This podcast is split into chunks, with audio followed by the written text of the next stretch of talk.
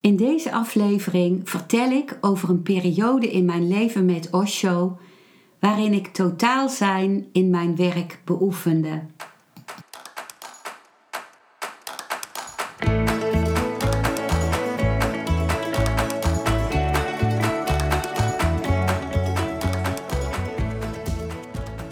Welkom bij een nieuwe aflevering van Modita's podcast Van Pijn naar Zijn.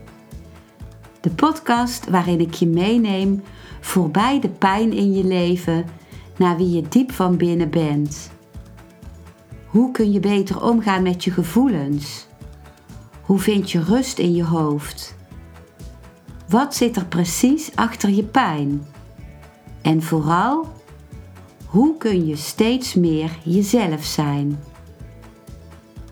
Adem eens diep in en uit. Ik wens je veel luisterplezier.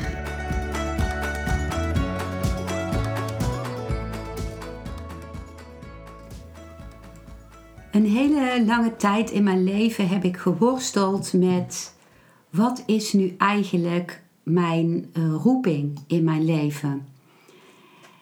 Uh, mijn moeder had me verteld dat iedereen een roeping kreeg en ik voelde dat ik daar maar niet achter kon komen wat dat nu voor mij was. En dat is ook uh, mede de oorzaak geweest van mijn depressies. Dat ik niet kon vinden wat de, de zingeving in mijn leven was. Iets waar ik nu wel mee in contact sta helemaal. In, uh, in zo'n tijd dat ik met deze vraag weer worstelde, dat was een tijd waarin ik weer in een van mijn depressies was beland, was ik weer naar de Osho International Meditation Resort in Pune gegaan in India. En uh, dat heet nu Osho International Meditation Resort. En uh, destijds zeiden we de ashram van Osho. En uh, ik mediteerde daar en ik, ehm, ik wilde vrij zijn. Ik wilde me niet meer bezighouden met de vraag naar werk, omdat ik het uh, zo fijn vond om alleen maar te zijn en uh, te dansen en uh, vooral ook de Osho dynamische meditatie te doen. En ik zag mensen die werk als meditatie deden. En uh, dat, dat was zes uur per dag, ook in het weekend. Was eigenlijk geen weekend. Werken en je werk gebruiken als meditatie, dus om helemaal in het hier en nu te zijn. Uh, zodat er eigenlijk geen verschil meer is tussen werk en uh, geen werk. En de rest van de dag was je dan vrij. En dat is ook iets wat Osho voorstaat in, het, het, in, in de maatschappij. Om niet zo te leven van, oh straks heb ik weer vakantie of straks is het weer weekend maar om eigenlijk je rust en je, je ontspanning in te bouwen in elke dag, ook in je werkdag. En uh, wat ik wel doe dan in die tijd dat ik uh, geen werk als meditatie wil doen, is dat ik toch iets bij wil dragen. En elke dag uh, vallen er heel veel bladeren in uh, in India. Want uh, het is eigenlijk het hele jaar door zowel lente als zomer als herfst. Dus er zijn altijd planten die hun bladeren verliezen. Dus er wordt ook elke dag is het nodig om te vegen. En ik hield dan van zo'n echt zo'n zo'n werken met zo'n heksenbezem. Dat deed ik dan vrijwillig. Dan ging ik een heel stuk van de ashram vegen. En dat deed ik met heel veel plezier.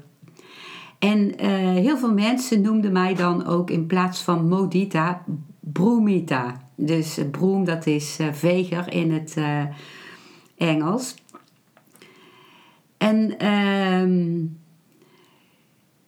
ja, op een gegeven moment, toen dacht, toen zei iemand, waarom ga je niet gewoon werk als meditatie doen toch? Dan dan krijg je ook de, de entree-sticker in de ashram gratis. En op een gegeven moment uh, wilde ik onderzoeken of dat wel klopte. Dat idee van mij dat, dat je een soort slaaf was van de ashram als je zou werken. Dus ik gaf me op voor werk als meditatie. En uh, ik werd te werk gesteld uh, voor schoonmaken in de piramide, in het piramidegebied. Dat is een gebied waar allemaal gebouwen staan voor uh, groepsprocessen in de vorm van een piramide. En dat is echt een heel strak ontworpen gebied, wat helemaal als zen voelt.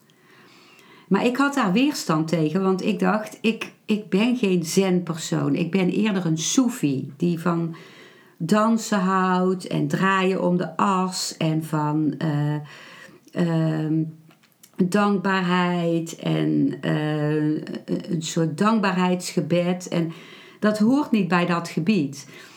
En iemand zei toen: Het kan best goed zijn als je um, daar dan toch gaat werken, omdat er dan een soort balans komt tussen de Soefi-kant en de Zen-kant.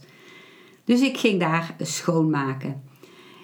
En dat deed ik met heel veel plezier. Ik maakte kamers schoon van mensen die daar woonden en ook. Uh, de douches en uh, toiletten van een groepsdouche.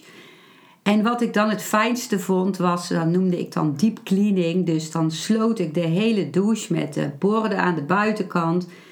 En dan, het was heel heet in die tijd, dus dan kleedde ik me helemaal uit en dan ging ik naakt, terwijl niemand dat zag, al die eh, wanden schoonmaken met, met ook met de chloorverwijderaar en dat alles weer helemaal straalde. En daar ging ik helemaal totaal in. Dat was dus echt mijn, mijn uh, genot. En toen kreeg ik het werk van mijn leven. Uh, dat is altijd in mijn, uh, als ik daaraan terugdenk, of in mijn centrum, het werk van mijn leven gebleven. Er werd mij gevraagd of ik um, de leiding wou nemen van het beheer van de, de storeroom, de Multiversity Storeroom. Dat was een, een opslagplaats waarin alle spullen die gebruikt worden voor um, groepen en therapiegroepen en meditatiegroepen opgeslagen zijn. Dus dat zijn meditatiestoeltjes, dat zijn, is papier, um, waskrijt, uh, kleurpotloden, um, lakens voor de matrassen, lakens voor de mensen om zich toe te dekken, kussenslopen, skeletten voor de uitleg van uh, bijvoorbeeld de craniosacraal uh, training. Dus uh, ook bloemvazen, um, olie voor de massages en te veel om op te noemen. En ik werd daar naartoe geleid. Het was een ruimte die, hele, die eigenlijk half onder de grond was. Dus je ging echt met zo'n ingang naar beneden en daar waren de deuren. En dan was het ook gewoon een, een, echt een donkere ruimte en alles was vervallen. Gewoon de kasten vielen uit elkaar. Uh, heel veel lakens waren door de moesson aangetast. En daar waren allemaal uh, soort schimmelplekken opgekomen.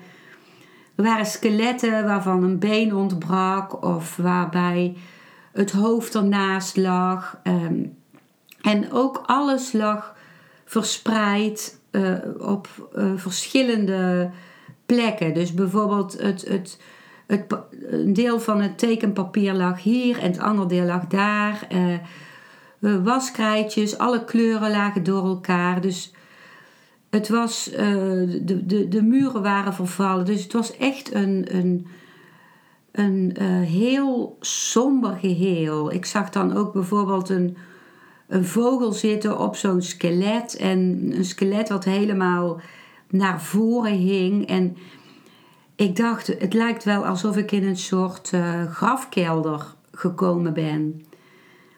En eerst dacht ik, wauw, wil ik hier nu zes uur per dag zijn? En toen dacht ik, wat als ik het nu eens uh, vernieuw? Als ik, als ik iets kan brengen wat vernieuwing geeft.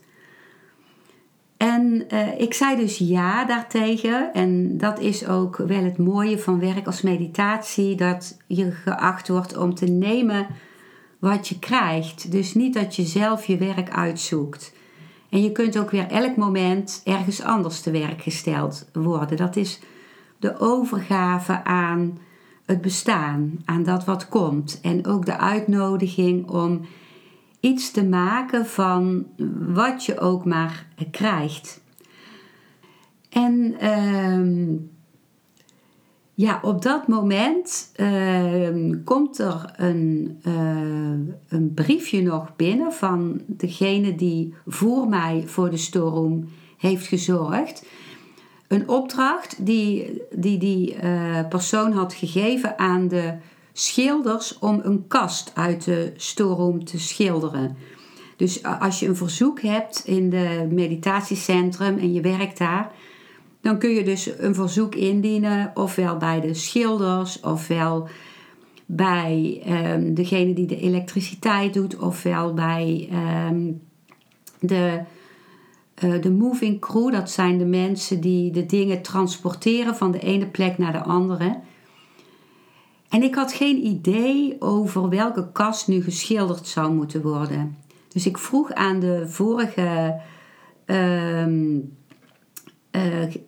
persoon die in de storeroom had gewerkt van, eh, of aan, nee, ik vroeg het niet aan die persoon, die was al weg, maar ik vroeg het aan de, degene die mijn, ehm, die, die de leiding had over mij, dus die, die alles in de multiversity overkoepelde welke kast moet ik nu laten schilderen?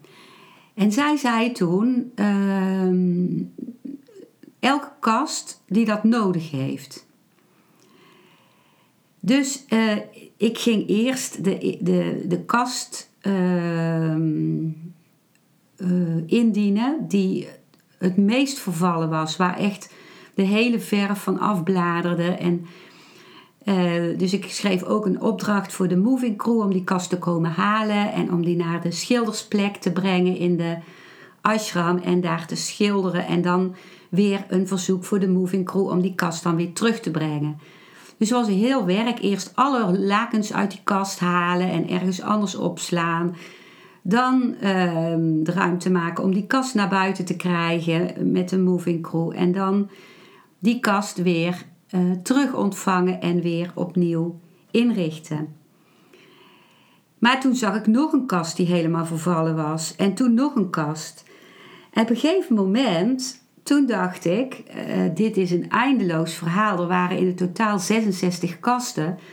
Dus ik heb toen één verzoek ingediend om alle kasten te laten schilderen. Dus, en ook nog om de storeroom uh, echt van binnen te laten schilderen en de deuren.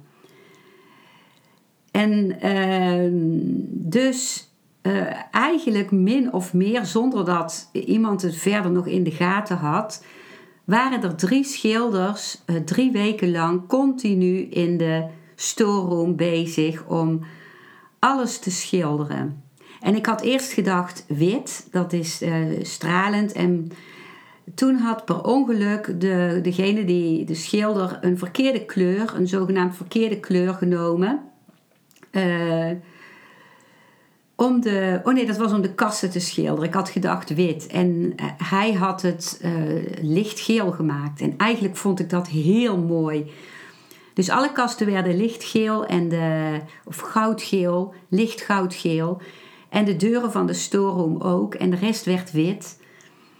En toen heb ik ook een hele tekening gemaakt. Dus ik maakte, ik mat alle kasten op. Ik mat alles op, ook de bank, ook de, de balie die, uh, die in de storeroom stond. En ik ging daar als een maquette allemaal kleine uh, uh, rechthoekjes van maken. Precies met de afmetingen, maar dan in het klein.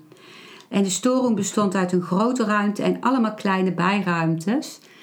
En toen heb ik al die kasten op die manier uh, genummerd en heringericht, zodat alles prachtig paste. En de stoelroom een hele mooie indeling kreeg. Met uh, twee gangen in de, de hoofdruimte. Uh, en dan een hele mooie inrichting van die kasten. ehm, in de zijruimtes.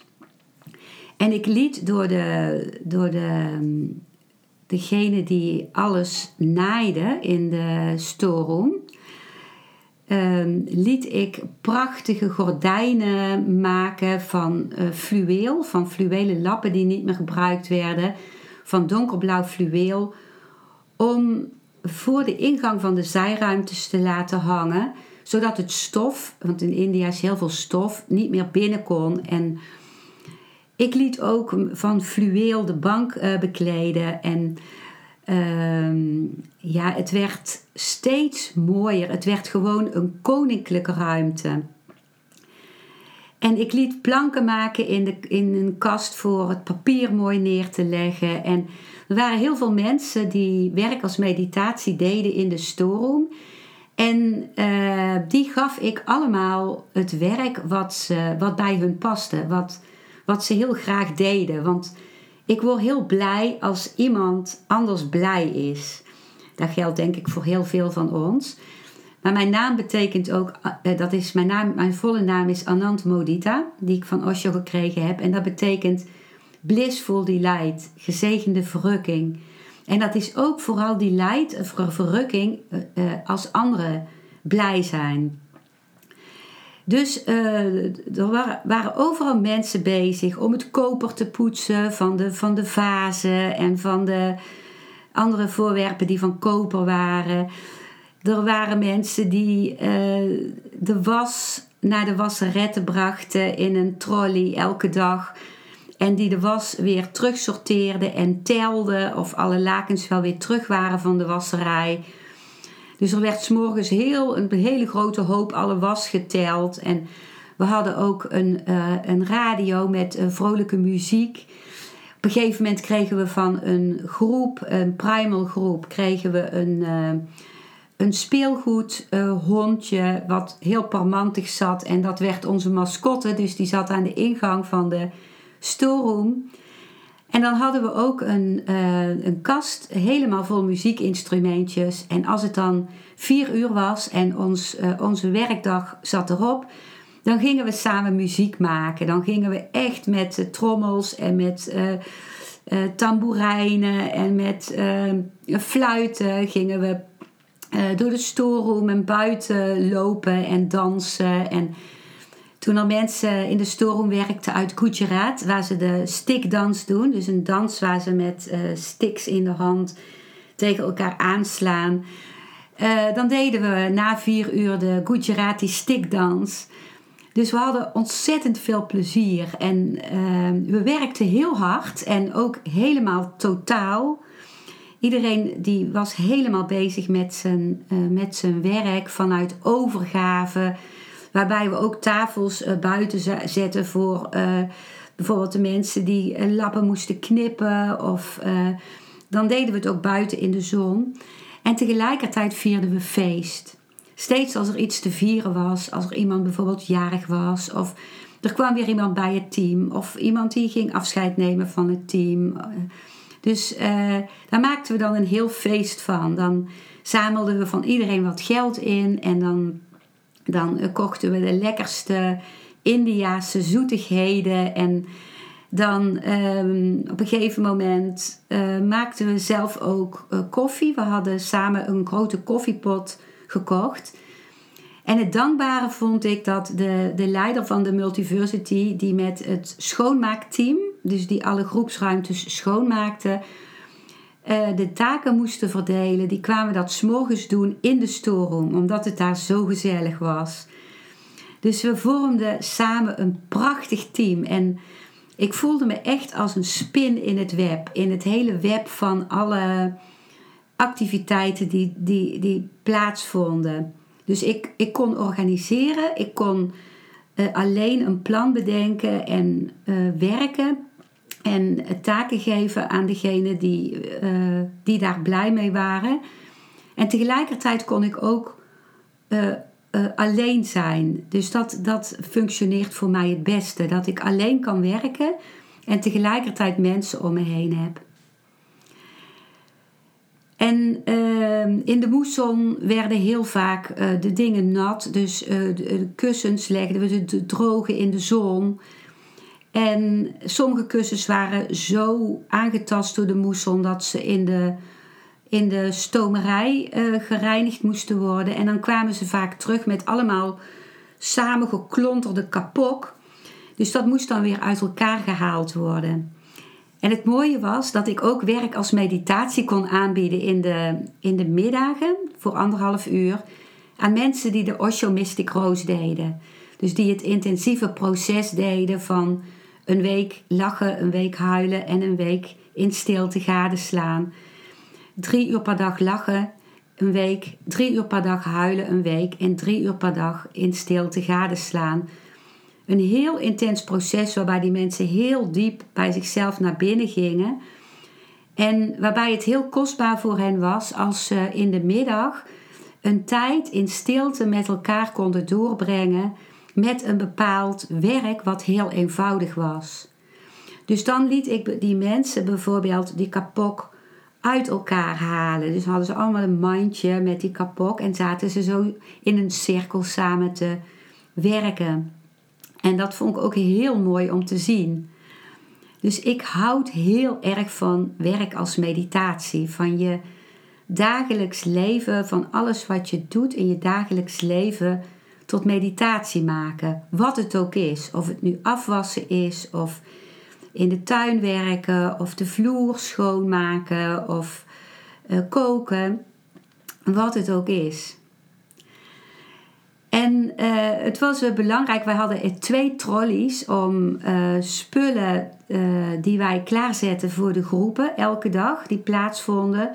Dus de stoeltjes die zo'n groep nodig had, de lakens die ze nodig hadden, een Tibetaanse bellen enzovoort.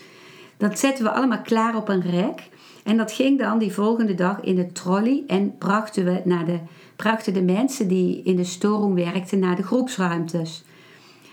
En het was belangrijk om te weten waar die trolleys waren. En toen gaven we ze een naam. Dus we lieten een bord maken en daarop stond bij één trolley de Buddha Express. En bij de andere de Zorba Express.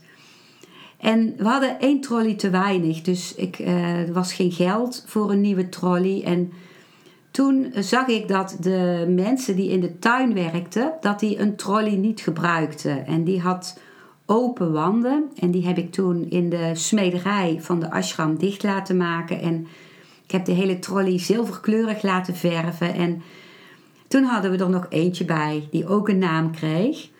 En ehm, daar was ik zo blij mee. En toen hebben we voor de grap een puja gedaan. Een puja is dat een nieuw voorwerp helemaal gevierd wordt. Dus dat doen ook Indiase mensen als ze een nieuwe auto hebben. Ik weet niet of het nog steeds gebeurt, maar dat gebeurde toen wel. Dan gaan ze die helemaal met mala's van bloemen behangen en zoetigheden kopen. En die eerst op het voorwerp leggen en later opeten. En ook muziek maken. En wij gingen dus een puja doen voor de trolley. Dus uh, we hadden uh, hele lekkere zoetigheden. En we, we gebruikten onze muziekinstrumenten. En we hadden bloemenkransen gekocht eh, om, om de trolley te hangen. En ook een oude kokosnoot die we kapot sloegen om hem in te zegenen. En uh, dat was voor de grap, uh, daar genoten we van. Dus we werkten en vierden, werkten en vierden. En uh, met Chinees nieuwjaar hadden de Chinese mensen een, hele mooie doeken gegeven, langwerpige doeken, gestikt. En die hing ik rondom de ingang met zo'n Chinese lampion in het midden. En heel veel mensen kwamen die entree naar binnen om te kijken wat er gaande was. Want het leek wel soms een soort theater of een circus, zo fleurig. En ik was zo dankbaar. Ik, ik werkte zo hard. Uh, ik was één met mijn werk. Dus er zijn eigenlijk twee manieren om werk als meditatie te gebruiken. Eentje is om te werken en tegelijkertijd uh, contact te maken met de getuigen in jezelf, met degene die gadeslaat. En je steeds bewust blijven van elke handeling. En de andere manier is om zo totaal in je werk te zijn dat je gewoon vergeet dat je er bent, dat je één bent met je werk. En dat laatste, dat deed ik. Ik was in de lunchpauze uh, helemaal uitgeput. Ik zakte dan echt met mijn lunch op de grond en zat daar te eten. Maar ik was zo dankbaar. Ik, ik was zo dankbaar voor deze tijd. En toen voelde ik, toen dacht ik, waar zal mijn volgende storeroom zijn in mijn leven?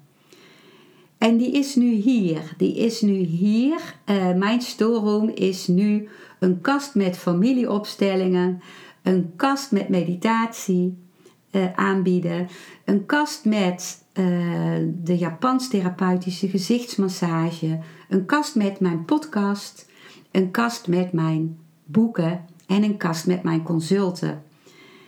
En ik heb het gevoel na mijn Vision Quest dat daar weer een andere kast bij zal komen. Ook al weet ik nog niet welke kast dat zal zijn, maar daar sta ik open voor.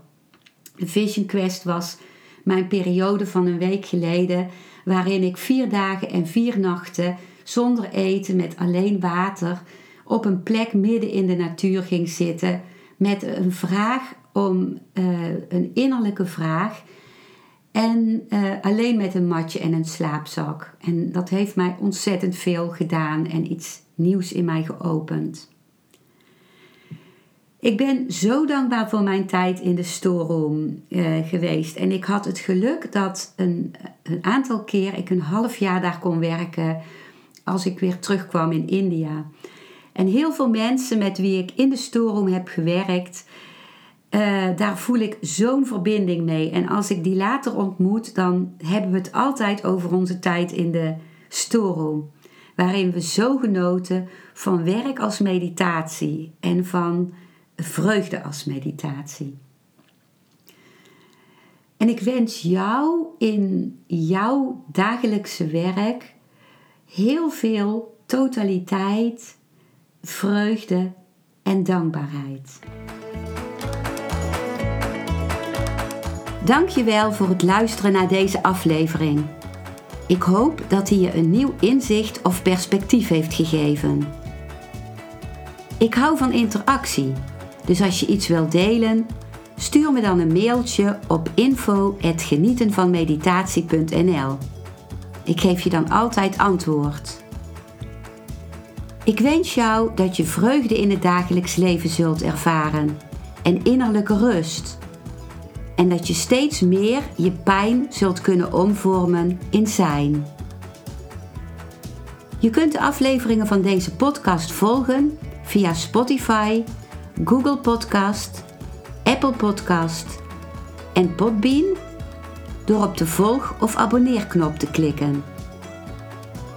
Als je luistert via de Apple Podcast, dat kan alleen als je een iPhone hebt, heb je een extra voordeel omdat als je op de knop abonneren klikt, je steeds een berichtje op je mobiele telefoon ontvangt als er weer een volgende aflevering van mijn podcast verschijnt. Je bent van harte welkom bij die volgende aflevering.